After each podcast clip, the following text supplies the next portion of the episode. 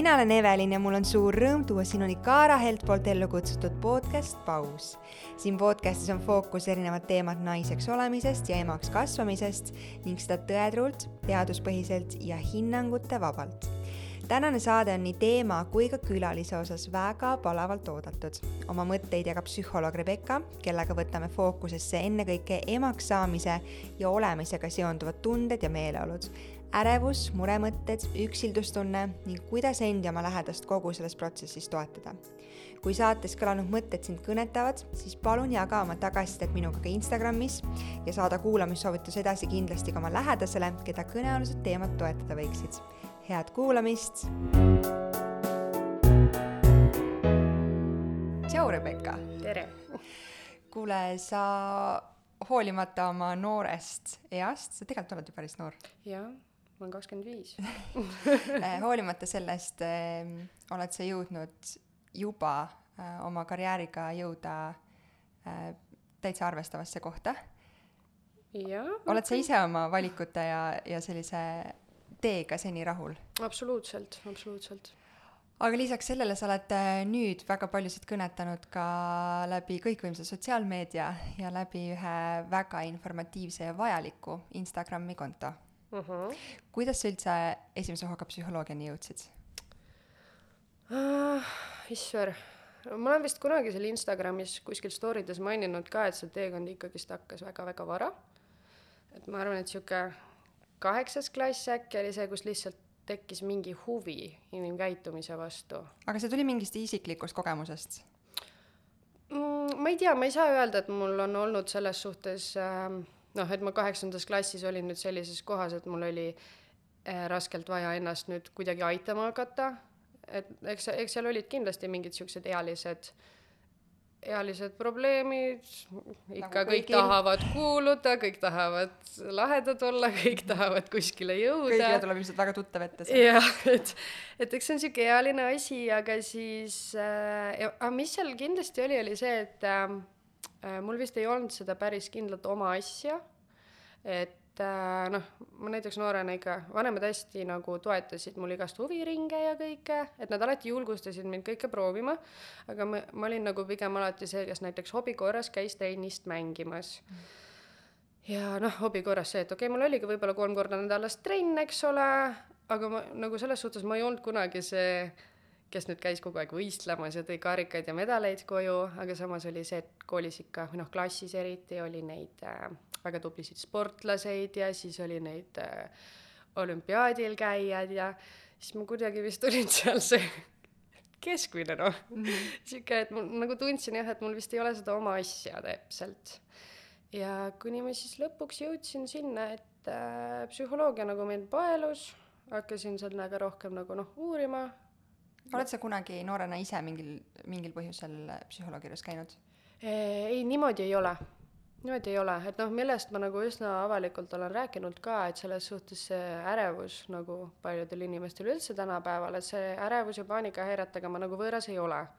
et äh, natuke isegi liiga sina peal olnud mingil eluhetkel. ja mõtlen, noh, suuresti ikkagist oligi see, et ma nagu ei pöördunud kuskile, sellepärast et nagu ka, mida ma kuulen praegu inimestelt sotsiaalmeedias ja üldse patsientidel on see, et ma ei saanud väga pikalt aru, mis mul viga on. et see ongi see ärevuse võlu, vaata, et näiteks noh, ma ei käinud äh,, ma ei käinud nüüd äh, psühholoogil, aga küll ma käisin perearstil, et a la rasked kontrolltööd tulemas, aga rinnus pistab ja tükitunne on kurgus ja perearst muidugi ütleb, et see on psühholoogiline, see on psühholoogiline, aga no tee see kuskil, ma ei tea, kümnendikule selgeks, et kõik on nii psühholoogiline mm.. et äh, pigem, pigem jah, selline, et nagu noh, ausalt öeldes see põhjus ka, miks ma üldse konto tegin, on see, et inimestel puudub teadlikkus.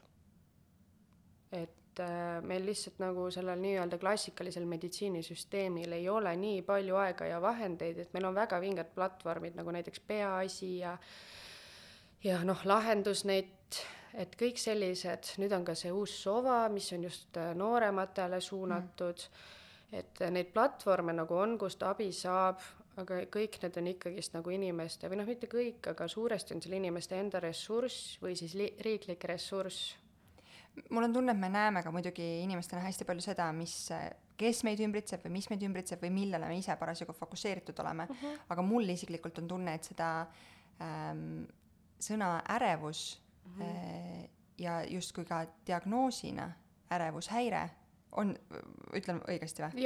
On ju, et äh, seda on hästi palju praegu ümber. Mm.. kas, esiteks, kas sa tunned sama ja teiseks, kas või millest see tuleb, et see just nüüd väga pildis on?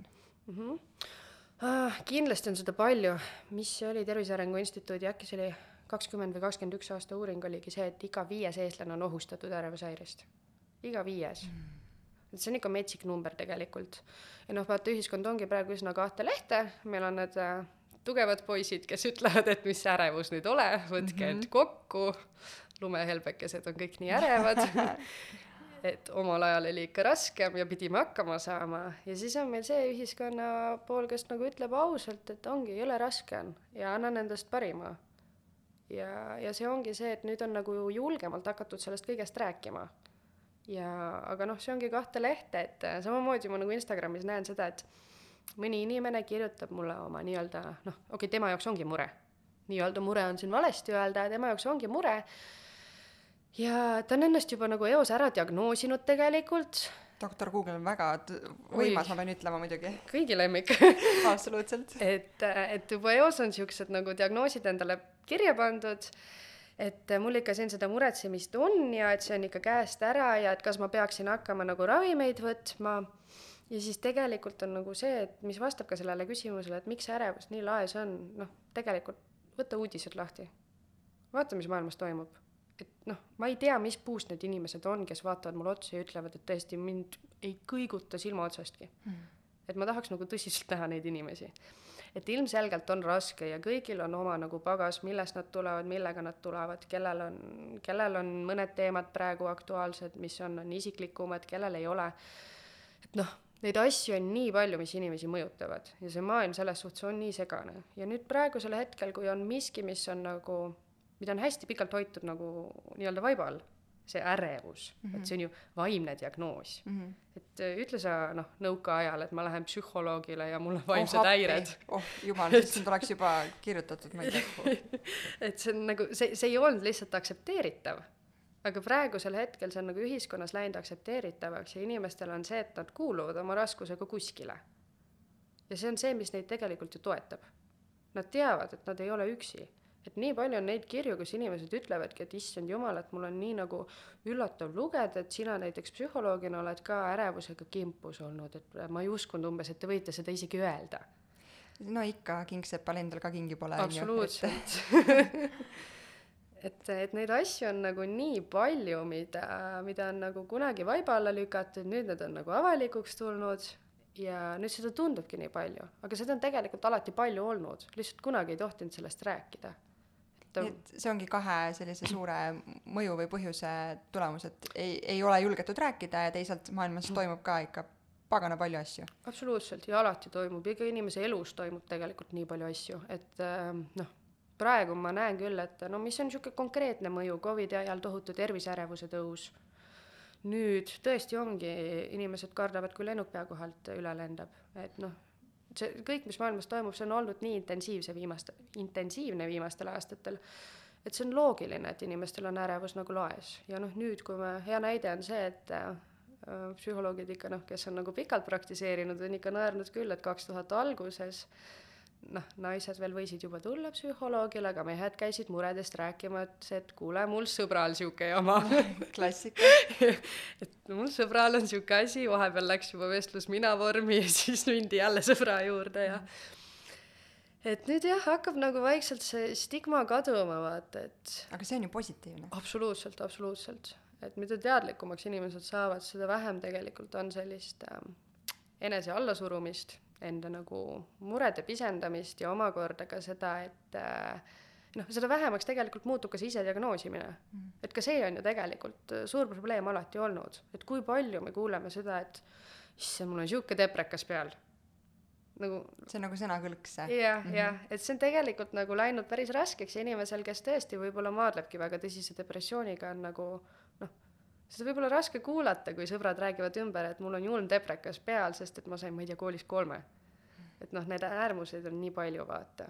et kindlasti kõike ei saa ära kaotada, aga just see teadlikkuse tõus, tõstmine on see, mis praegu on kindlasti suureks abiks. kellele või millele sa oma töös ennekõike fokusseeritud oled? sa mõtled äh, nüüd mis äh, teemadele äh,, millistele patsientidele, klientidele, kuidas on õige öelda? mõlemad vist on okeid okei okay., kumba sa ise kasutad? mm,. kuidas juhtub okei, hästi. pigem, pigem mulle vist meeldib klient öelda, sellepärast et noh, ta tuleb minu juurde ise, ta tuleb kliendina. ta ei ole mulle määratud, ma ei tööta haiglas. hästi, ta tuleb ja käib aga teemade kontekstis. -hmm. teemade kontekstis äh, noh, mis on sellised põhilised asjad ikkagist on ärevus, depressioon ja siis on ka väga seinast seina tegelikult, et on pereprobleeme tegeled sa ka lastega? ei, et äh, noh, kõige noorem mul on äh, neljateistaastane. et see on, see on juba sihuke, millega ma nagu tunnen end pädevalt. või noh, jah, et lapsed, lapsed, et kui me räägime lastest äh, seal süsteemis, siis see on sihuke asi, et kunagi ma kusjuures mõtlesin, et ma suudan, aga siis, aga mul ei olnud ka lastega kogemust tegelikult, et ma olin peres kõige väiksem. et äh, nad ei tekitanud minus erilist nagu emotsiooni tol hetkel, laps oli lihtsalt laps, aga siis, kui ma tädiks sain, et äh, õel, kui esimene laps sündis, siis ma sain aru, et okei okay,, et päris vinge väike inimene ja et ma ei suuda siukseid nagu kannatamas näha. et see on see. aga sa oled tänaseks ka ise ema. jaa, jaa. sul on kohe kahene, kohe saab kaks. lahe. kas praegu, kui palju sa oled nautinud äh, neid erinevaid, selle kahe aasta jooksul neid erinevaid lapse arengu või eluetappe, oled sa nautinud kogu protsessi, on mingi vanus või iga praeguseks ajaks välja kujunenud su lemmikuks? tahaks näha ema, kes ütleb, et ma olen nautinud tervet emaduse protsessi. nagu tõsiselt niimoodi nautinud, et äh, ei ole raske või ei, ei ole nagu mingi asi olnud vastukarva. Et see on, see on sihuke asi, mida mul on nagu raske uskuda, et tead kõik, on nauditav., sa panid mind praegu olukorda, kus äh, ma olen ülisegaduses nüüd uh. -huh. sest äh, ma arvan, et see on hästi palju selle vaataja seisukoht või enda nagu ma olen endaga väga palju tööd teinud, aga ma tahaks öelda, et ma tõesti olen nautinud, aga juba enne lapse sündi ma olin aktsepteerinud sel-, seda, et äh, kõik ei saa olema lihtne mm. -hmm. ja ma ei ütlegi, et, et kõik on nagu ilma kivide ja kändudeta ja, ja nagu mul on, ma ei tea, laps, kes magab suurepäraselt, sööb suurepäraselt, mitte mingeid probleeme pole mitte kunagi selle kuue kuu jooksul olnud. kuus kuud on tegelikult väga pikk aeg, kui me niiviisi mõtleme. Ei, olen aga nõus., aga et ähm, ma, see, et ma olin arvestanud sellega, et see ei saa olema lihtne mm, -hmm. on minu, minu jaoks teinud selle kuidagi nauditavaks. jaa, jaa, kindlasti, eks seal ongi see, et äh, noh, see on see, et see sõna, kui nauditav see on, on nagu selline üsna subjektiivne Mm -hmm. et äh, ma olen nõus selles suhtes, eks ma ka ikka teadsin, et äh, see ei ole see, et mul sünnib üks laps, kes magab kaksteist tundi ja mina jätkan oma eluga nii, nagu see oli, vaata. et lihtsalt äh, minu jaoks ongi see, et äh, nagu konkreetne otsene raskus, kui see on väga raske, siis ma ei saa öelda, et ma naudin seda, aga see ei tee minu jaoks emaduse teekonda vähem nauditavaks aga ma ei ole mitte kunagi nagu endale või, või enda lähedastele või kellelegi nagu valetanud, et jah, et I m a natural. et kõik on nii lihtne ja kõik on nii nauditav ja kõik on nii tore, et, et noh, ilmselgelt on neid raskeid hetki ja igal lapsel on need oma need asjad ja oma need punktid, mida nad vajutavad, kuni, kuni sa üks hetk mõtledki, et tuleks ainult see mees koju ja saaks minna kas või kümme minutit jalutada ja hinge tõmmata, eks ole et aga see on, see ongi osa sellest, et nagu sa ütled, et sa oled sellega arvestanud. et väga raske on siis, kui tegelikult ei olda sellega arvestanud, arvestatud. ja siis tuleb nagu suure üllatusena järsku ja siis ei saa vist hakkama, või? mm,.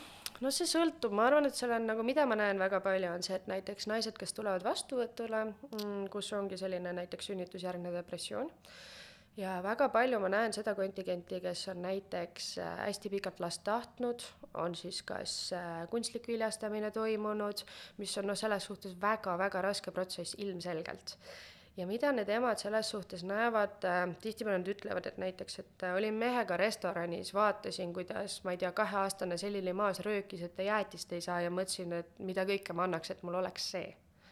tol hetkel on, on see loogiline, eks ole, see inimene nii väga tahab last.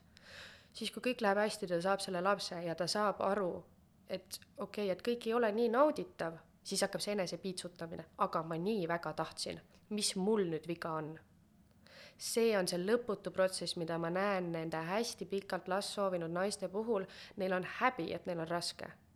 aga tegelikult on ju kõigil raske teatud hetkedel. aga see on täpselt samamoodi, nii nagu ärevuse või üldse nende vaimsete vaimset tervist puudutavate asjadega, millest keegi justkui ei räägi, sest see on nii tabu. samamoodi, aga minu meelest emadusega, et sa justkui ühiskonna poolt on äh, selline äh, nagu alla surutud, et emad ei tohi öelda, et neil on raske. jah, see on vist ka samas tegelikult ikka muutumas. ja ma just, ma mõtlengi, et mul on hea meel, et nüüd tulevad pilti mm -hmm. täpselt mhm. samamoodi nagu vaimse tervise teemad kerkivad rohkem esile, aga siis äh, need, nende emade lood. Jaa, jaa, et aga noh, see ongi see, et nagu see on nii kahe otsaga asi, ühelt poolt tõesti see päev, no oletame, et on üks hullumajapäev. et neid päevi on tõesti, kus sa mõtledki, et su tuleks ainult õhtu, eks ole. ja siis paned selle lapse magama siis sa vaatad, kuidas ta vaikselt seal teki sees nohiseb ja siis sa oled mingi, see on maailma parim asi, mis minuga kunagi juhtunud on, eks ole. et nagu see, kuidas see võib millisekundiga muutuda, see näitab seda nagu tegelikult, kui nauditav see teekond on, aga see ei tähenda, et ei või olla raske.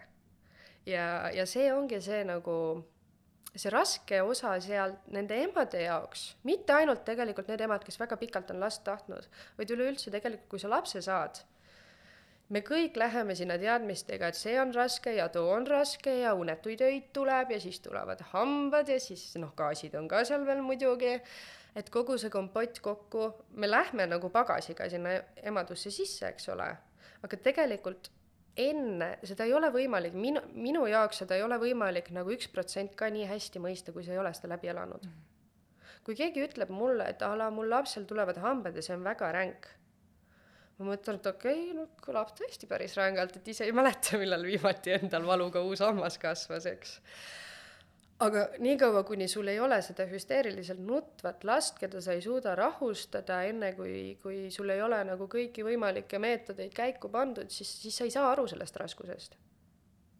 ja see ongi see, et need on need hetked, mida ma tunnen, et tegelikult ma ei saa öelda, et need oleks nüüd nii raskelt nauditavad, aga need on need, mis käivad sinna nauditava protsessiga nagu kaasa ja sa oled ka sellega arvestanud ja aktsepteerinud seda? just, just, noh, sa, sa ei saa sellega mitte arvestada, see tuleb. sa tegid väikse inimese ja seal on need sammud, mida, mida sa pead nagu läbi tegema.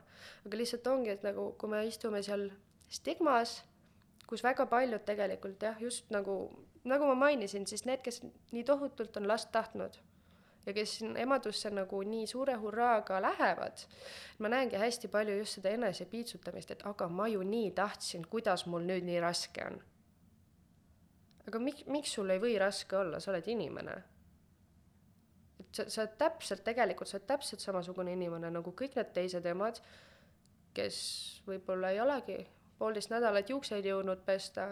kõlab nagu iga päev sooja kohvi pole, ma ei tea, kaks kuud joonud ma iga päev ütlen, et kui ma kella üheks päeval olen hambaid suutnud pesta, siis see on täielik võit. jah, jah, vaata üks hetk on see aeg, kus äh, need on need lõbud, et kui lapsel tekib ka juba siukese enesehoolitsusrutiin nagu hambapesu, et siis sa oled kohustatud seal kell seitse juba alustama, et need on need lõbud, mis selle arenguga kaasnevad. et natukene enesehoolitsusaega tuleb tagasi. kuule, aga meie tänane fookus äh, võiks olla just emadusega kaasnev ärevus ja muremõtted mm. -hmm. siit mingid teemad on äh, läbi käinud juba, aga kui me täitsa nagu liigume enne emaks saamise protsessi, siis kas või ma oma lähedaste ja tuttavate pealt näen praegu, et äh, neid hirme, mis äh, lapse saamisega kaasnevad, see võib olla enda tervisega seotud, see võib olla lapse tervisega seotud, paarisuhtega seotud. kuidas neid nende hirmudega tegeleda? noh, nagu sa ütled, vaata neid hirme on nii palju ja neid hirme on nagu tõesti, neid ongi lõpmatult, mis võivad ühte inimest teha ärevaks selle ees, et ta nüüd hakkab last planeerima. ja noh, neil ei ole sellist üht, ühtset ravi. et kui, kui see oleks nii kerge, siis see maa oleks nagu väga täidetud lastega, eks ole, et aga mille taga ikkagist need laste mittesaamine tihtipeale on, on kas isiklik otsus meditsiinilised probleemid või siis hirmud. et meil ongi tegelikult kolm nagu põhifookust.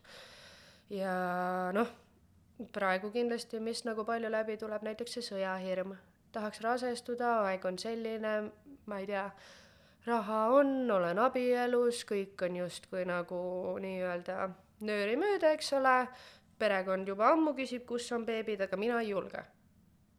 et noh, need ongi need, et kui, kui see nagu soov on suur ja see hirm on mingi asja taga, mis ei ole sinu muuta, siis on see aeg, kus tuleks abi otsida. või noh, võiks abi otsida, ma ei saa kellelegi öelda, et tuleks abi otsida. aga kuidas üldse saada aru, et, et see on nagu päris hirm, mis, mis mu sees või et see on nagu päris tõsiseltvõetav hirm, et see ei ole lihtsalt, ma ei tea, noh, neid nagu hirme inimestel igasuguseid mm. -hmm. aga vaata, kui see on nagu selles suhtes, kui hirm on ikka selline, et noh, no ma mõtlen, toon näite, ma ei, ma olen terve elu nagu natukene pelganud kloune. aga see ei, see ei takista mingit moodi mu elu. Sorry, et ma naeran selle peale lihtsalt see on, see on absurdne, aga see ei takista selles suhtes mu elu, et äh, mul jääks mingi oluline etapp selle tõttu elus tegemata. lapse saamine, pere loomine on väga oluline etapp. kui sul on mingi hirm, noh, sa soovid seda etappi ja sul on mingi hirm, mis seda pidurdab, siis okei okay,, see klouni hirm ilmselgelt seda ei pidurda aga kui sul on mingi konkreetne asi nagu hirm oma tervise ees, hirm maailmas toimuva ees, mis noh, ei ole sinu mõjutada, siis see on see, kust nagu võiks abi otsida, eks ole et kui see ei ole sinu muuta ja see pidurdab su elu ja see pidurdab seda sellel moel, et sul jääb tegemata midagi, mida sa tahad teha, siis see on tegelikult see koht, kus selleks, selleks inimesed nagu abi pakuvadki ju mm. Ma tean, sa, seda küsimust on sinult ka Instagramis palju küsitud, aga kui ma teadvustan endale, et mul on see hirm ja ma tahan sellega tegeleda, sest see, selle tõttu mul jääb mingi oluline äh, etapp praegu mm. elus või mingi asi pooleli või tegemata mm, -hmm. siis ku-, kuidas seda teed üldse alustada, kust ma leian selle inimese, kelle juurde minna rääkima või kust ma leian selle usaldusväärse inimese? noh, see nüüd suuresti sõltubki vaata, et äh, mis see peaks hir... ma perearsti juurde minema alguses üldse. Äh,? jah, perearst on selles suhtes on üsna selline hea valik, sellepärast et äh, perearst ikkagist on, enamus perearste, muidugi ma olen, olen on erandeid, kes on nii-öelda noh, vaatavad seda psühholoogiteenust üleüldiselt niisuguse noh, naljanumbrina, eks ole, aga enamus tänapäeval ikkagist, mis ma olen kuulnud, on väga adekvaatsed nõuandjad. Ja sealt tegelikult tulebki suuresti välja see, et äh, inimesed näiteks kirjutavad mulle väga tihti, et kuule, et mul on niisugune mure, et aga ma tõesti ei tea, kuhu üldse minna, kas ma peaksin minema psühhiaatrile? ja, ja neid inimesi, kes ei tea, kuhu minna, on nii palju ja see ongi see hea põhjus, miks minna perearstile.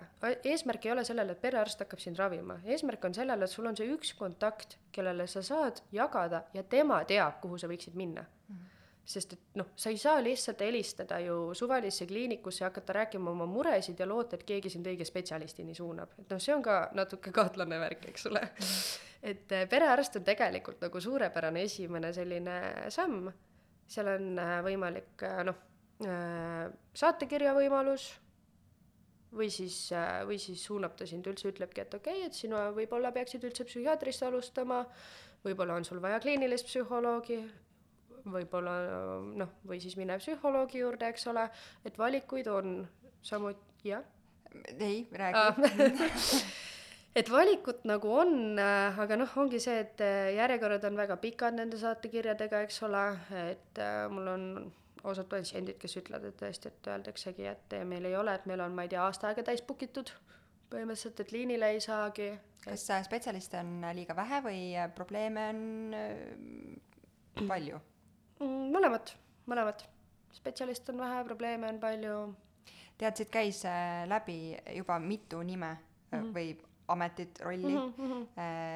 ja ma ei tea, kas mina olen napakas, et ma ei tea. ei aga, ole, ei ole, ei selles. aga hästi lihtsalt ja, ja lakooniliselt äh, psühholoog, psühhiaater, terapeut, psühhoterapeut, kes need on ja mis nende erinevus on? ahah äh,, alustame siis sealt äh, psühhiaatrist. psühhiaater, noh, hariduselt on ta arst. okei okay.. et äh, lihtsalt ma loodan, et ma nüüd sügavalt ei eksi, aga minu arust ongi see, et nad teevad selle arstiteaduskonna äh, kuni nad siis äh, lähevad residentuuri mm -hmm. ja siis sealt valitakse see psühhiaatria.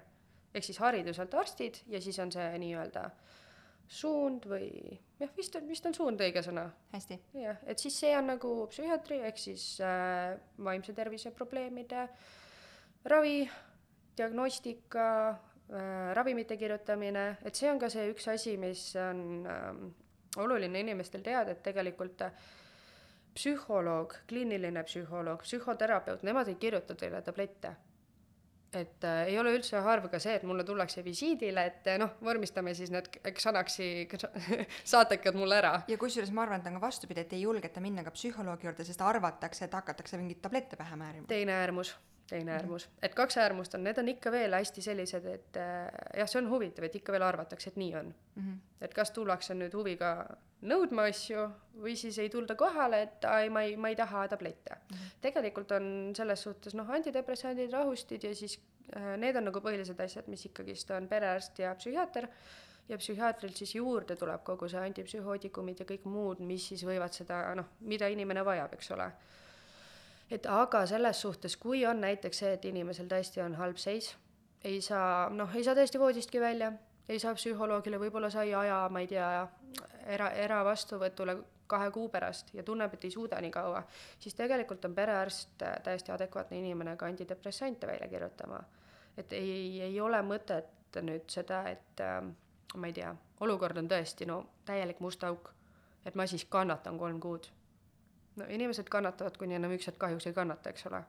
et, et perearst on selles suhtes äh, teda miskipärast ma olen täheldanud praegu sealt Instagramist läbi on tulnud see, et seda perearsti nagu kardetakse kuidagi. et just nende vaimse tervise muredega, aga ma arvan, et seal võib olla ka see punkt sees, et paljudel on perearst sellest ajast saadik, kui nad olid väiksed lapsed. jaa ja raske on siis minna, et terve elu oled olnud see väike armas poiss või tüdruk, kes seda, keda see perearst on kaalunud, mõõtnud ja hambaid lugenud ja siis järgmine hetk sa lähed sinna ja ütled, et nüüd on häda käes. sest siis sa lähed veel vastuvõtule, siis ta räägib, kuidas ema käis ta juures vastuvõtul mm -hmm. ja mhm. ühesõnaga, et see kontaktivõrgustik on ka veel nagu hästi ja. tuttav. et noh, fakt on see, et tegelikult ega see perearst ju ei tohi rääkida, et ta ei tohi jagada mitte midagi selles suhtes, olgu see ema kas või ta parim sõbranna aga jah, noh, selles suhtes inimlikud hirmud, eks ole, tegelikult on. aga see on siis psühhiaater ja perearst on siis sealmaal need äh, es-, või noh, perearst siis esimene kontakt ja psühhiaater siis selline diagnostika ja kliiniline psühholoog siis meie süsteemis on hariduselt psühholoog, kes on siis läbinud kutseaasta kliinilise psühholoogia valdkonnas ja nemad siis keskenduvad just äh, ravile ja diagnostikale. okei okay kui palju sul üldse emaks saamisega kaasnes mingeid hirme, kas üldse? ikka oli, muidugi oli. ma arvan, et äh, noh, neid hirme on ikka alati, vaata. kas ma ikka saan hakkama ja, ja kui hästi ma hakkama saan ja kas ma ikka saaks talle kõike lubada, mida ma tunnen, et ta väärib ja noh, kõik need tüüpilised hirmud, ma julgen öelda. aga eks see on niisugune asi, et ega sa enne tegelikult ju ei teagi, kui sa nagu ema oled. sa saad ainult ennast mingil moel ette valmistada. aga mina isiklikult tunnen, et suuresti need hirmud ikkagist lendasid aknast välja siis, kui mul see laps nagu juba käes oli, sest et mul ei olnud aega igast olmeasjade üle muretseda et see elukorraldus läheb nii kiireks, et tegelikult alguses sa oled ju suht-koht autopiloodil ikkagi. et kõik need sammud on siuksed, et silm lahti magad teed kõiki neid samme hästi kiiresti, et kõigil oleks kõik vajadused rahuldatud ja siis kuskil proovid ise ka veel natukene magada.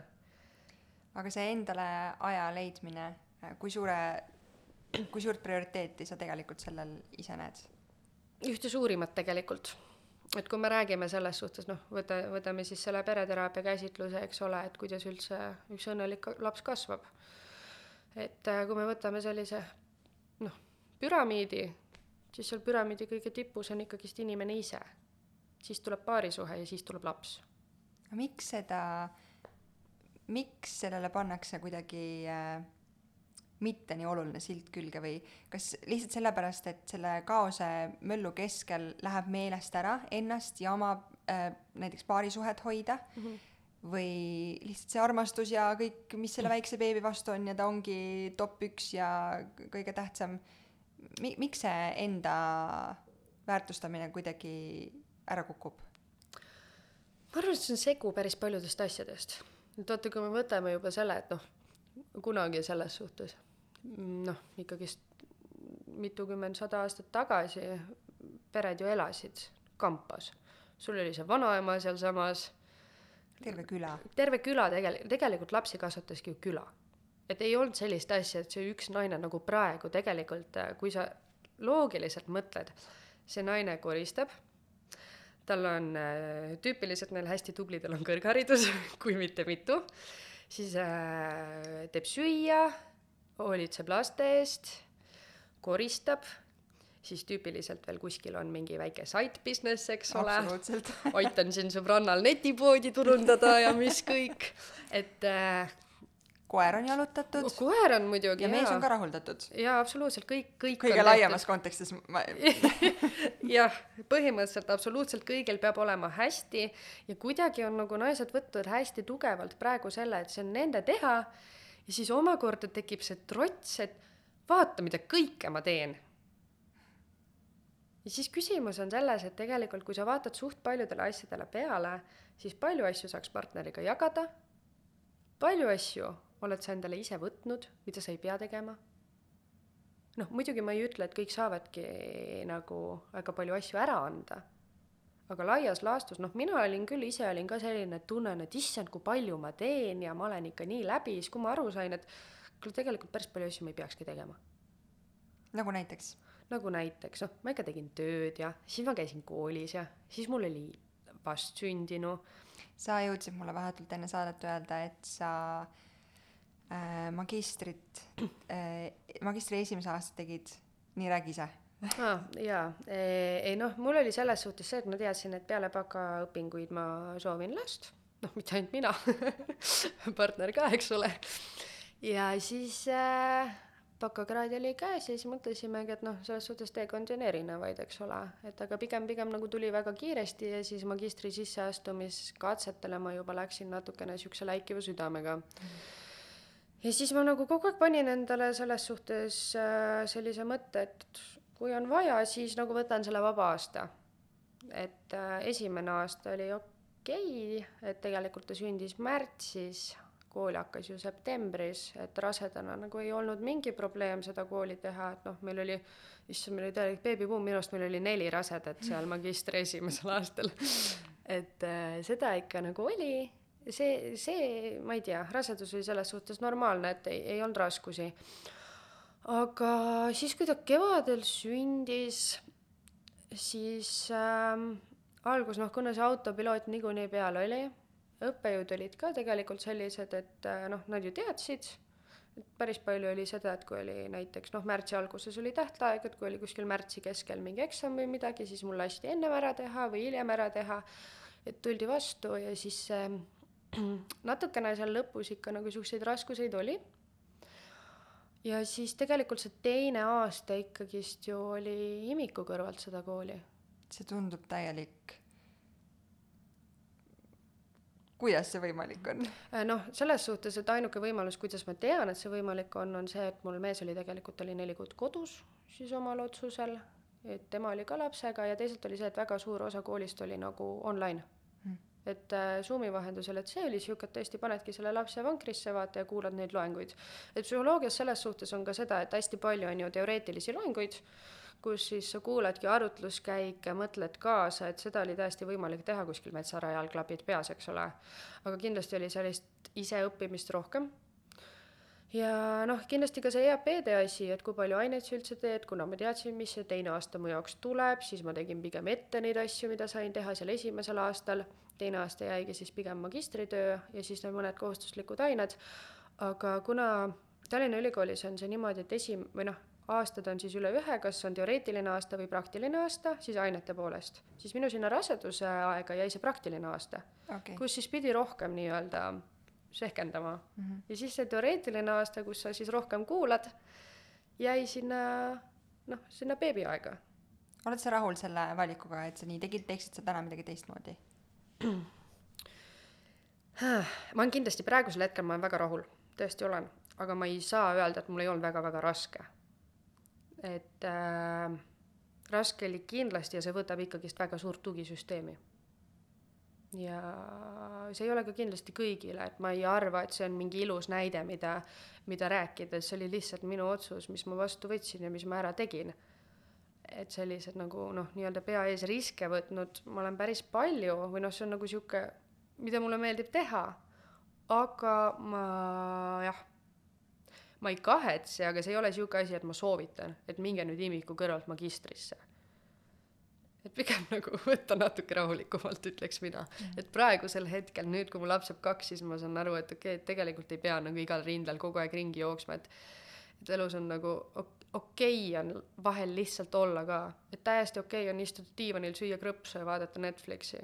et, et sa ei ja pea ennast emad ilmselt sa tead, lihtsalt ei ole mitte kunagi. kogu ja. aeg on midagi vaja toimetada. kogu aeg sa kuulad sealt Netflixi kõrvalt, et kas sealt kõrvaltoast mm -hmm. keegi nagu natukene krigiseb läbi une või mis seal toimub, vaata. et noh, et ongi see, et äh, ma ei kahetse, aga ma ei ütle, et see on asi, millele nüüd inimene, kes ei ole kunagi mõelnud, võiks mõelda, sest et see oli nii lahe mhm.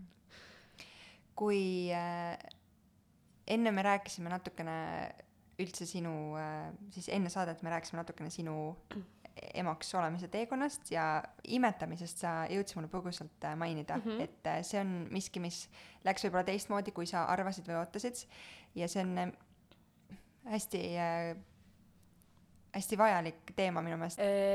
jah, selles suhtes, et äh, ma olen nagu hästi poolt sellele, et rinnapiim on väga kasulik, eks ole, kes saavad pange edasi, kes ei saa, siis ärgu piitsutage end. et äh, ma olen nagu hästi poolt sellele, et tegelikult peab see asi ju toimima. et äh, minu raskus oli pigem see, et lihtsalt ei tulnud välja, kuna oli Covidi aeg, selles suhtes üks nohupiisk endal imetamisnõustamisse minna ei saa, siis kuidagi nagu orgaaniliselt läks see juba üle niisugune pumpamine ja, ja pudel, kuni siis see imetamine nagu noh, tehniliselt juba üldse ei tulnud kõne allagi, sellepärast et laps on nii pudeliga harjunud, siis pumpad, pumpad, aga noh, iga ema, kes on selle pumpamise peale olnud, teab, et tegelikult see ei ole nagu liiga jätkusuutlik, eks ole, sa oled ise läbi, kogused vähenevad. ja ma arvan küll, et niikaua, et noh, eesmärk võiks olla ikkagi sellel, et laps on toidetud, laps kosub nii, nagu ta peaks kosuma ja see ema ei ole rihmaks tõmmatud. Mm.. et see on see ma võin ju pumbata päevad läbi, aga kui ma olen omadega nii läbi, et ma ei ole enam nagu võimeline olema vaimselt enam selline nagu kaasatud ema, kes annab endast kõik, et tegeleda, vaid mu ainuke mõte on sellele, et pumpan ja siis saaks vaid silma kinni ja ja siis laps juba jälle nutab ja kõht on tühi ja siis sa lähed selles suhtes närvi, siis sa mõtled, miks mina ei saa, miks mina ei suuda et siis see on nagu see hetk, kus tegelikult võtta see Aptamil või mis iganes sa võtta tahad. et nagu kuskilt läheb minu arust sellega piir.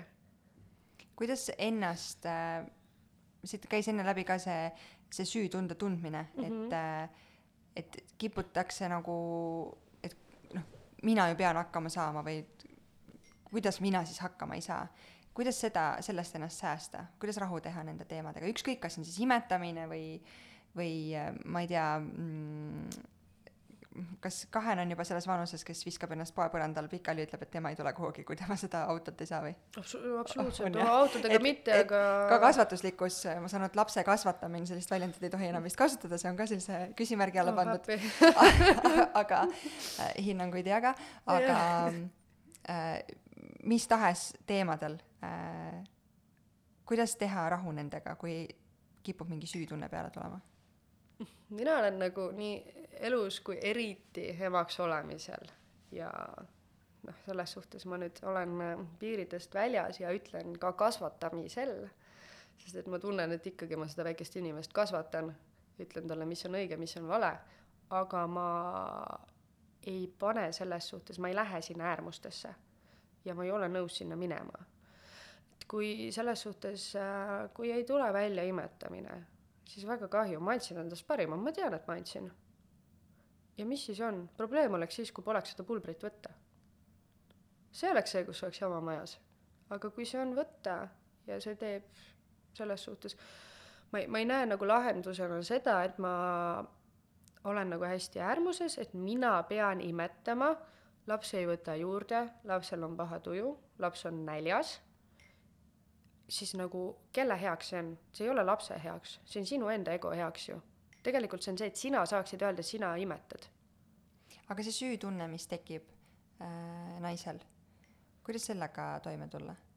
sest tihti ma tean enda kogemust ka, me kipume võib-olla ma saan öelda ainult mina, et mina kipun ennast süüdistama, kui mul mingi asi välja ei tule. küsimus ongi selles, et mis sul välja ei tule. Mul praegu tuleb kõik, kõik välja. sellepärast, et enamus need asjad, mis meil nagu välja ei tule, on sellised asjad, mida me ei ole kunagi teinud. kas ma olen kunagi varem imetanud? ei ole. ei ole.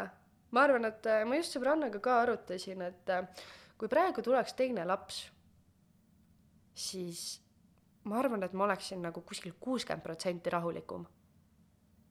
sest et need on need esmakordse ema hirmud. See, et nagu kas ma lõikasin talle selle banaaniga õige kujuga, kas ma, kas ma hoidsin teda piisavalt kaua täna kõhuli, kas ta magab ikka õige külje peal. appi, kui tuttavad mõtted. et nagu kõik need asjad on sellised, et kui sa ei ole seda teinud, siis teatud määrani nagu eksimine on inimlik jah, ei nagu selles suhtes sa pead olema ikkagist piisavalt hoolikas, et mitte oma last ohtu panna, eks ole. Aga see enesepiitsutamine, et kui sa hakkad mõtlema sellele, kust see tuleb, siis see ei tule sellest, et sa oled saamatu, see tuleb sellest, et sul ei ole kogemust. ja sul ei pea seda kogemust ju olema tegelikult. et see ongi selline nagu avastamise värk. ja kunagi, kui ma, noh, mis kunagi, ma arvan, et mingi paar kuud tagasi ma hakkasin mõtlema, ühe sõbrannaga rääkisingi sellest, et sa küsisid ka mult enne, et mis see kõige raskem iga nagu oli mm. -hmm. Ja ma tean, et mul oli kindlasti, noh, selles suhtes terve emaduse teekond on nagu iga etapiga tuleb mingi uus mure ja uus stress kaasa, neid tuleb alati. ja ma mäletan, et alati on neid nagu olnud, aga mul ei ole neid enam meeles. sest et ju siis need ei ole nii olulised sest et kui oleks mingi selline üks püsiv asi, mis mind ikka veel kummitab, et issand, kui ta oli neljakuune, siis ma tegin seda, siis see ilmselt oli mingi nagu suur pläkk, mis ma kokku keerasin, eks. et aga tegelikult ei ole ja kui sa teed rahu sellega, et nagu see ei ole saamatus, see on kogenematus ja sa õpid, samamoodi nagu see laps õpib läbi selle koos kasvamise, õpid ju sina ka. Et järgmise lapsega ilmselt äh, sa teed juba nagu kõike väga palju rohkem nagu automaatselt. Kui ma tulen tagasi korra selle enda ja oma aja ja ka oma paarisuhtele võetud aja väärtustamise juurde mm, -hmm. siis mis olid mingid sinu äh, ma, ma, nagu ma ütlesin, ma üldse ei kujuta ette teha magistrit, olla väikse vastsündinuga, toimetada päevast päeva, ma, kuigi tugivõrgustik on olemas, siis seda on ikkagi, ema ju peab olema olemas ja teeb asju mm, -hmm. seda tundub palju, aga mis olid mingid sinu äh, hetked või, või tegevused, millal sa võtsid endale aja? no reeglina oli ikkagi see, et mm, nagu jagame üsna kenasti, kes tahab minna, see läheb õhtul. Tüüpiliselt ikka õhtud, mida ma kunagi kusjuures ära ei jätnud, oli küünehooldus mm. -hmm. mitte, et mul oleks olnud vaja neid äh, keellakke seal kodus, eks ole, aga lihtsalt see, et sul on teada, et näiteks kolme nädala tagant sul on see poolteist tundi, kus sa istud autost ja sõidad ja teed midagi enda jaoks et see sai kuidagi siukse hästi uue tähenduse. et siuksed pisiasjad, vaata, mida sa saad enda jaoks teha, et kas need loevad, aga samamoodi meil ei olnud, ma kutsun seda nagu kaaskannatamiseks, mida ma päris palju näen, et näiteks kui ühel partneril, näiteks oletame, temal on raske, siis äh, isal peab ka olema raske. sest et minul ju on raske. siis küsimus on selles, et paarisuhe, vaata, haruarv on viiskümmend, viiskümmend ta on ikka kuuskümmend ja nelikümmend ja seitsekümmend ja kolmkümmend ja siis see, kelle tass on rohkem täis, võiks seda teist tõsta. ja kui sellel emal on praegu see tass nagu kolmkümmend protsenti täis, siis see, kui see isa saab selle seitsmekümne peale, siis see ju aitab teda. See aitab seda ema, sest see isa aitab teda tõsta. aga mida ma näen, on see, et mul on raske, kuskile sa ei lähe mina olen siin lapsega kodus, mis mõttes sina lähed sõpradega, ma ei tea, boksi vaatama kuskile, et unusta ära. siis on kodus sihuke paks õhkkond, mõlemad tegelikult kannatavad, sest et tüli on majas, ei võitnud see naine, kindlasti ei võitnud ka see mees. Versus siis see, et see mees oleks käinud ära, tulnud tagasi, olnud noh, teoorias oleme ausad, mees on tänulik võib-olla siis natukene rohkem juba eos aitab, aitab kaasa, üritab nii-öelda vastu pakkuda. tegelikult see on kõigile kasulik ja samamoodi tuleks nagu seda naist välja lasta, et meil oli väga konkreetselt, et kui mul ikka noh, teisipäeval ütlesin, et tahaks reede õhtul minna sõbrannaga, ma ei tea, restorani kaheks tunniks, siis no ei tulnud kõne allagi see, et nagu mis asja, kuhu sa nüüd lähed.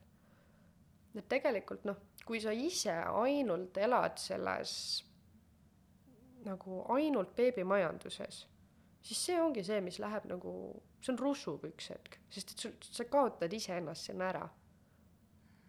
ja siis ongi see tüüpiline tsükkel, kus ongi kaaskannatamine. kui minul on raske, siis peab sinul ka olema. no ja mis siis saab lõpuks sellest paari suhtest? Aga see eeldab ka väga tugevat äh, ähm, omavahelist suhtlust ja, ja kokkuleppeid. muidugi aga partnersuhe niikuinii seda eeldab. aga mul on tunne, et kõikidel ei ole selline suhe. ja ka lapsed sünnivad sellistesse pere, peredesse, kus ei ole seda äh, usaldust ja, ja omavahelist kommunikatsiooni nii tugevat. absoluutselt ja noh, see on paratamatu, et me ei, ei saa vaata kunagi öelda, noh, kommunikatsiooniprobleemid, et tihtipeale vaata praegu, mida, mida tehakse, otsitakse siis, et kui suhe läheb rikki, siis otsitakse kelle peale näpuga näidata, et sina oled süüdi ja tema tegi nii ja tema tegi naa ja tema polnud kunagi olemas, tegelikult nagu väga suur asi, mis praegu nendest hästi avalikest suhete lahkamisest välja jäetakse, on see, et suhtes on kaks poolt. kommunikatsiooniprobleem ei ole mitte kunagi ühepoolne. see ei ole võimalik, et üks inimene suhtes on nii-öelda õpiku musternäide heast partnerist ja teine on lihtsalt nii halb, siis nad ei oleks kokku läinudki, nad ei oleks kokku jäänud ja nad ei oleks üheskoos lapsi saanud. okei okay,, igast asju võib juhtuda, eks ole. Aga, aga see ei, see ei ole nagu jätkusuutlik mõtteviis, et ühel, üks inimene on nii halb ja teine on nii tubli. et kui on nagu kommunikatsiooniprobleemid, siis neile tuleb peale vaadata sellega, et äh, meis mõlemas on midagi, mida me saaksime arendada. mitte see, et äh, tema ongi, tema ongi halb mees või halb naine ja nii ongi. ma saan aru, et konkreetseid klientide, patsientide ähm, lugusid sa ei jaga ja seda ma ei ootagi, aga ma saan aru, et sinu juurde jõuavad ka mm, emad sünnitusjärgse depressioonimuredega mm. -hmm. või üleüldse äsja lapsevanemaks saanud emad äh, mis sa näed, mis on mingid sellised suuremad murekohad või, või proble-, probleemid nendel naistel, kus äh, võib-olla saaks ka iseennast kuidagi aidata? No ütleme nii, et suuresti ikkagi ongi see, et äh, abi on, aga ei võeta isegi vastu. et see on see raske, raske asi, et kindlasti väga-väga keeruline on jätta oma last kellegiga väga keeruline on, kas või see, et tuleb siis see vanaema ja on kaks tundi, kuni sa lähed, ma ei tea, joos sõbrannaga kohvi. et aga seda, seda ei suudeta teha, vaata. aga mis siis, kui nad ei saa hakkama? Isegi ja. kui ma tean, et laps terve selle aja magab mm, -hmm. siis mu peas on ikkagi, aga kui ta ärkab üles mm. -hmm. noh, see ei olegi nagu selles suhtes äh, mitte kellegi asi öelda, et millal jätta, vaata, aga lihtsalt, kui sa oled ise juba seal punktis, et sa võib-olla sööd antidepressante, sa oled täiesti läbi sa ütled, et sa ei ole, ei olegi üheksa kuud, ma ei ole maganud. Ma ei tunne elust rõõmu, ma ei tunne enam emadusest rõõmu, ma olen ainult mehega tülis äh, ja ma ei ole mitte kunagi olnud oma lapsest eemal rohkem kui kakskümmend minutit, siis see on see, et võib-olla tuleks nagu kuskilt endale natukene aega võtta, vaata. aga see on juba see kriitiline koht minu meelest, see, mis sa kirjeldasid praegu. kuidas üldse võib-olla vältida seda sinnani jõudmist? eks see ongi see, et äh, raske on, noh, mida ma näen ikkagist palju, on see, et saadakse näiteks äh, laps mehega, armas-, näiteks mehega, mehega saadaksegi laps, armastatakse teda tohutult, eks ole, aga vot meest ja last kahekesti ei julge jätta. siis see, see on nagu see koht, et äh, see väga tihti on see, et mees ütleb, et mine käi tee, ma saan hakkama. aga vot ikkagist arvatakse, et mees ei saa hakkama küsimus on selles, et kas sa nagu tõesti arvad, et see mees ei anna endast sama palju, kui sina annad iga päev? Tegelikult on, võetaksegi seda, et seda ema rolli kuidagi väärtustatakse praegusel hetkel, ma tunnen naistel endal nagu nii palju rohkem kui seda isa rolli. et tegelikult see isa on ka ju olemas. ja väga-väga palju ongi neid näiteks, kui me võtame, ma ei tea, depressiivsed, võtame depressiivse poisslapse, neljateistaastane, siis mis seal saab? ema tunneb tohutut süüd ja hakkab seda poissi nii-öelda ekstra poputama mis tegelikult sellistel poistel tüüpiliselt aitab, on üks-ühele aeg isaga. et seal ongi see, et emad võtavad endale nii tohutu koorma ja see mees seal perekonnas nagu jääb tahaplaanile, ta nagu kaob ära ja siis tulevadki need, et ma lähen välja, mul mees hoiab last. mis mõttes ta hoiab last? lapsehoidja hoiab last. sul on mees on kodus isa et need, need on need hästi, taaskord me räägime sellest, et inimesed nagu jõuavad äärmustesse. tead, mul tuli sellega praegu meelde, päris mitmel korral on olnud see äh, sa-, sarnaselt, et äh, ma tulen äh, saadet salvestama ja kuidagi keegi küsib mult, et aga kus su laps on mm? -hmm. mis, mis, ma ei, ma ei tea või jätsin koju sinna mängumati peale seniks. köögipõrandal ootab. ja kuidagi äh, tõesti nii, kui sa seda ütlesid nii, siis äh, kuidagi pirnikel jäi põlema ja ma saan, tõesti ongi nii, et isasid kuidagi, et isad on kadunud pildist, et neid järsku ei ole või mm, -hmm. või et seesama, et isa hoiab last mm. -hmm. mis mõttes ta hoiab last? ma ei kujuta ette, et mul nagu mees läheb välja ja siis ütleb sõpradele, et ah tead, Rebecca hoiab last täna et see on nagu natuke kahtlane, eks ole, kõik mõtleks, et mis asja, et kas ta ei olegi siis ema või mis mõttes ta su last hoiab. et aga kui isa hoiab last, siis see on nagu hästi okei okay,, vaata. et noh, see ongi see, et mis, mis nagu tähenduse me sellele vanemluse rollile oleme pannud. praegusel hetkel niikuinii neid mehi materdatakse, nii et vähe pole. vaesed mehed, tõstame neid siis kuidagi aukohale kohati on nagu valus kuulata küll, eks ole. aga, aga jah, et noh tegelikult põhiline värk ikkagist, mida, kui sa küsid, mida saab see naine teha, kes on ennast selles suhtes läbi põletanud, siis vaadata selle lapse isa poole. sest et väga tihti ma ikkagist kuulen ka seda, et mehed ütlevad ka vastuvõtul, et aga ma ei julgegi enam pakkuda, ma ei taha pakkuda, sest et sa ütled ei ja sa teed ise ära ja see teeb haiget. et meestel on samamoodi selles suhtes, et mehel on ka valus, kui naine ikka korduvalt klassikaline juhtum selles suhtes, naine tahab kuskile minna, hakkab oma, ma ei tea, emale helistama, et ma tahaks juuksurisse minna. mees ütleb, et kuule, see on laupäev, ma ju olen kodus. ei, ei, ma ikka kutsun ema. kas see on usalduse küsimus? võib-olla. võib-olla, aga noh, mis seal, mis need asjad seal taga on, vaata, samamoodi siis võib olla mingi peremustrite värk. et selles suhtes kõik me tuleme kuskilt. kui selle naise peres on näiteks olnud äh, isa või noh, oletame, et selle naise vanemad on lahus, ema on talle terve elu tampinud pähe, et ega see isa neist lastest hoolinud ja ega see isa ainult jõi ja käis tööl ja vedas lindusid baarist koju, no mis usaldus sellel naisel peaks olema oma nii-öelda mehe vastu laste osas? sul on alateadlikult terve elu pähe puuritud, et ega see isa pole suurem asi siin peres kunagi olnud sa lähedki selle kõikvõimsa ema juurde, kui sul on vaja juuksurisse minna. ühes äh, hiljuti salvestatud saates äh, Mondela, kellel oli väga tugev sünnitusjärgne depressioon mm, -hmm. äh, jagas seda, kuidas äh, tema äh, tundis, et tal, e, tema ei ole lapse, lapsel ei ole temaga turvaline mm. -hmm. ja ta usaldas rohkem isa, ema, äh, oma tugivõrgustiku lapse eest hoolt kandma.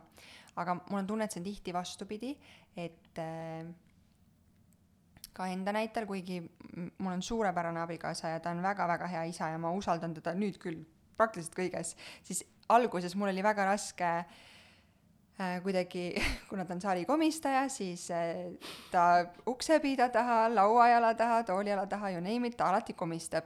ja kui mina andsin lapse talle sülle, siis minu peast käis läbi mõte, et issand, kui ta komistab.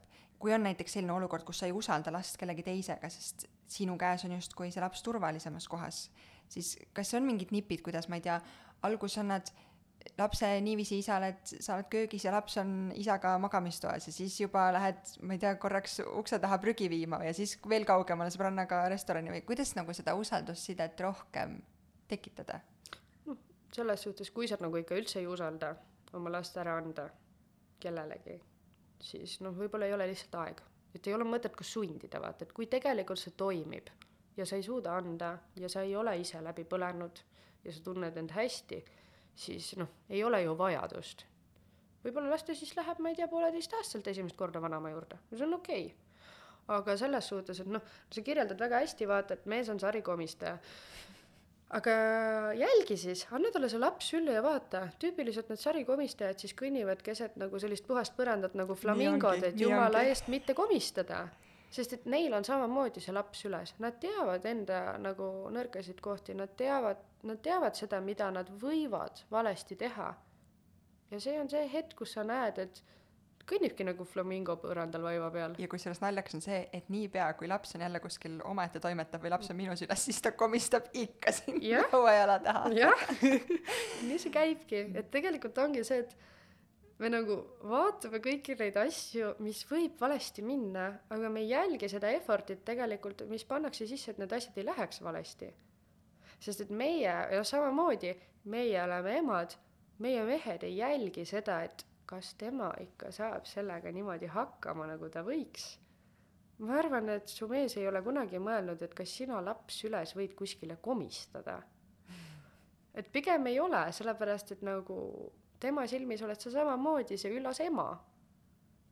aga noh, tihtipeale ongi see, et me ei, me ei annagi võimalust inimestele näidata, et tegelikult nad saavad hakkama noh, kui see on inimene, keda sa usaldad ja sa soovid oma last temaga jätta, siis anna võimalus. ja kui ei soovi, siis ära anna. et see on tegelikult, see on ju täielikult sinu enda valik mm.. võib-olla su laps lähebki kodust ära esimest korda, kui ta on seitse. ja see on okei okay., kui sa ise, kui teil see toimib, siis palun väga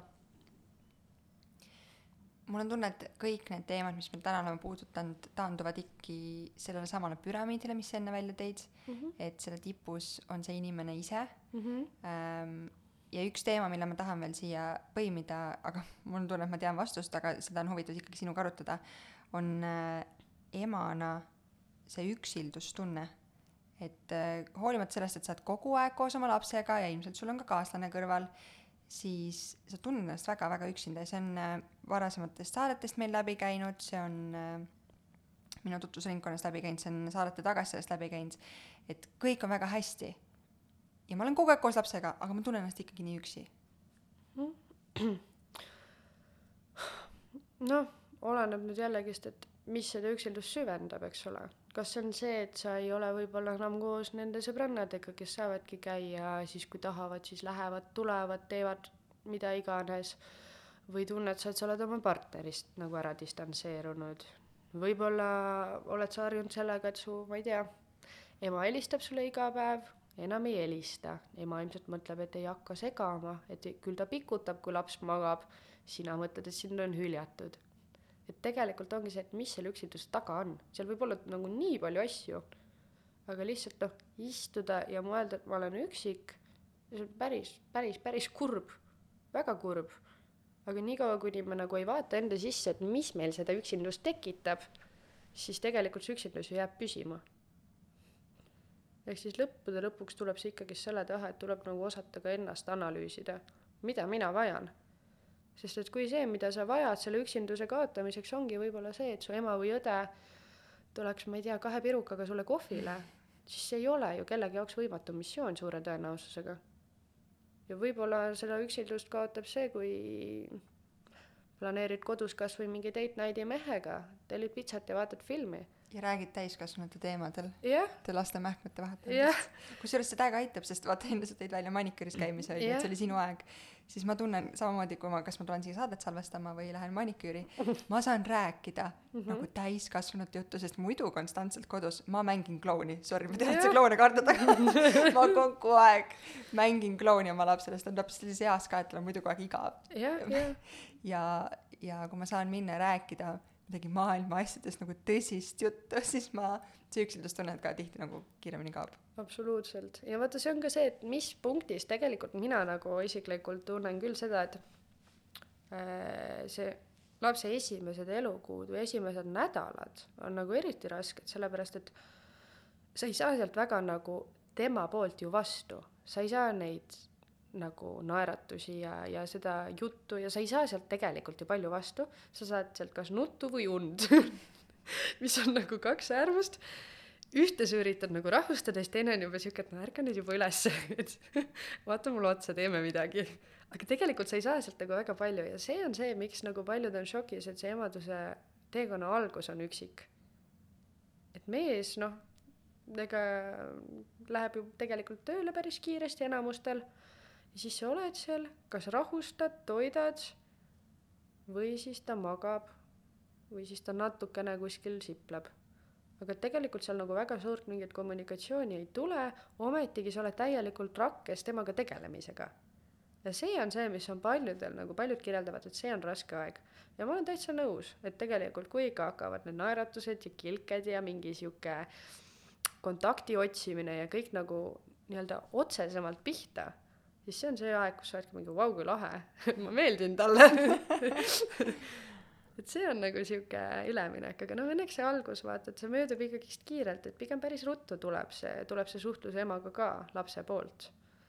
et aga noh, kui see on ikkagist sihuke, et see jääb ka peale seda püsima, et see laps sinuga suhtleb, see laps sinuga tahab olla ja sa tunned ennast ikka nii nagu raskelt üksi ja see on püsiv mitte, et sa tunned ennast reede õhtul üks hetk üksi, kui mees on võib-olla väljas ja sõbrannad on kõik peol ja sina oled lapsega kodus see, see võib ka raske olla vahel, aga kui see on ikka esmaspäevast pühapäevani selline rusuv üksilduse tunne, siis see on see hetk, kus tuleks abi otsida. aitäh sulle, Rebecca. me rääkisime täna väga paljudest äh, erinevatest äh, teemadest, aga ühtepidi kõik äh, üks, omavahel seotud äh,, üksteisega seotud. kas sul on mõni äh, soovitus või mõte kaasa anda veel äh, mõnele värskele emale või peatselt emaks saavale naisele? Ma arvan, et see, et ärge minge äärmustesse, ärge pange endale siukseid piire, et a la minu lapsel, minu laps ei vaata telekat enne, kui ta saab kümme ja minu laps ei söö suhkrut enne, kui ta on kaheksateist ja telefoni ta üldse ei puutu ja ja kõik, mis ta sööb, on orgaanik, bio ja kõik need jutud? kõik need jutud, ärge pange endale neid eeldusi, sest et te mm. põlete ise läbi lõpuks.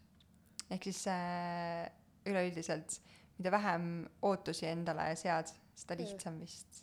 jah, sest et nende ootustega sa nagu kooskõlla niikuinii see elu ei lähe. ma ei ole veel näinud ühtegi inimest, kes ütleb, et minu elu lapsega on täpselt selline, nagu ma ette kujutasin. ei ole.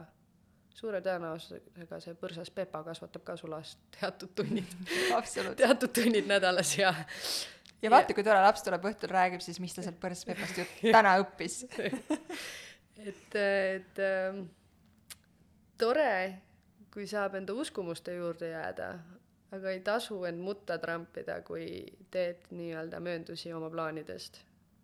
et see on see, kus see emadus minu jaoks nagu ilusaks läheb, kui sa lihtsalt lähed vooluga kaasa ja teed seda, mis on sulle hea, mis on omakorda lapsele hea ja kogu sellele pereelule hea. super me alustasime seda saadet äh, sellest äh, palju populaarsust kogunud äh, Instagrami kontost. mis ja. selle nimi on ja kus sind võib piiluda ja, ja näha su tegemisi? issand, see konto nimi on päris keeruline, see on Remap alakriips psychologist. Mhm. millest see Remap ah,? see on mu firma nimi lihtsalt okay, okay. jaa, mul ei olnud brändi ideed väga ja siis. aga töötab? töötab, töötab jaa jah, sealt saab piiluda, selles suhtes sa ütlesid, kust mind saab piiluda, ei mind sealt väga, väga ei saa piiluda, et ma seal tungival soovil olen paar pilti postitanud, aga enamasti ikkagist ta jääb selliseks info ja tead-, teadlusliku info jagamiseks. see on äh, tänuväärt, mis sa teed, aitäh sulle! aitäh! tšau!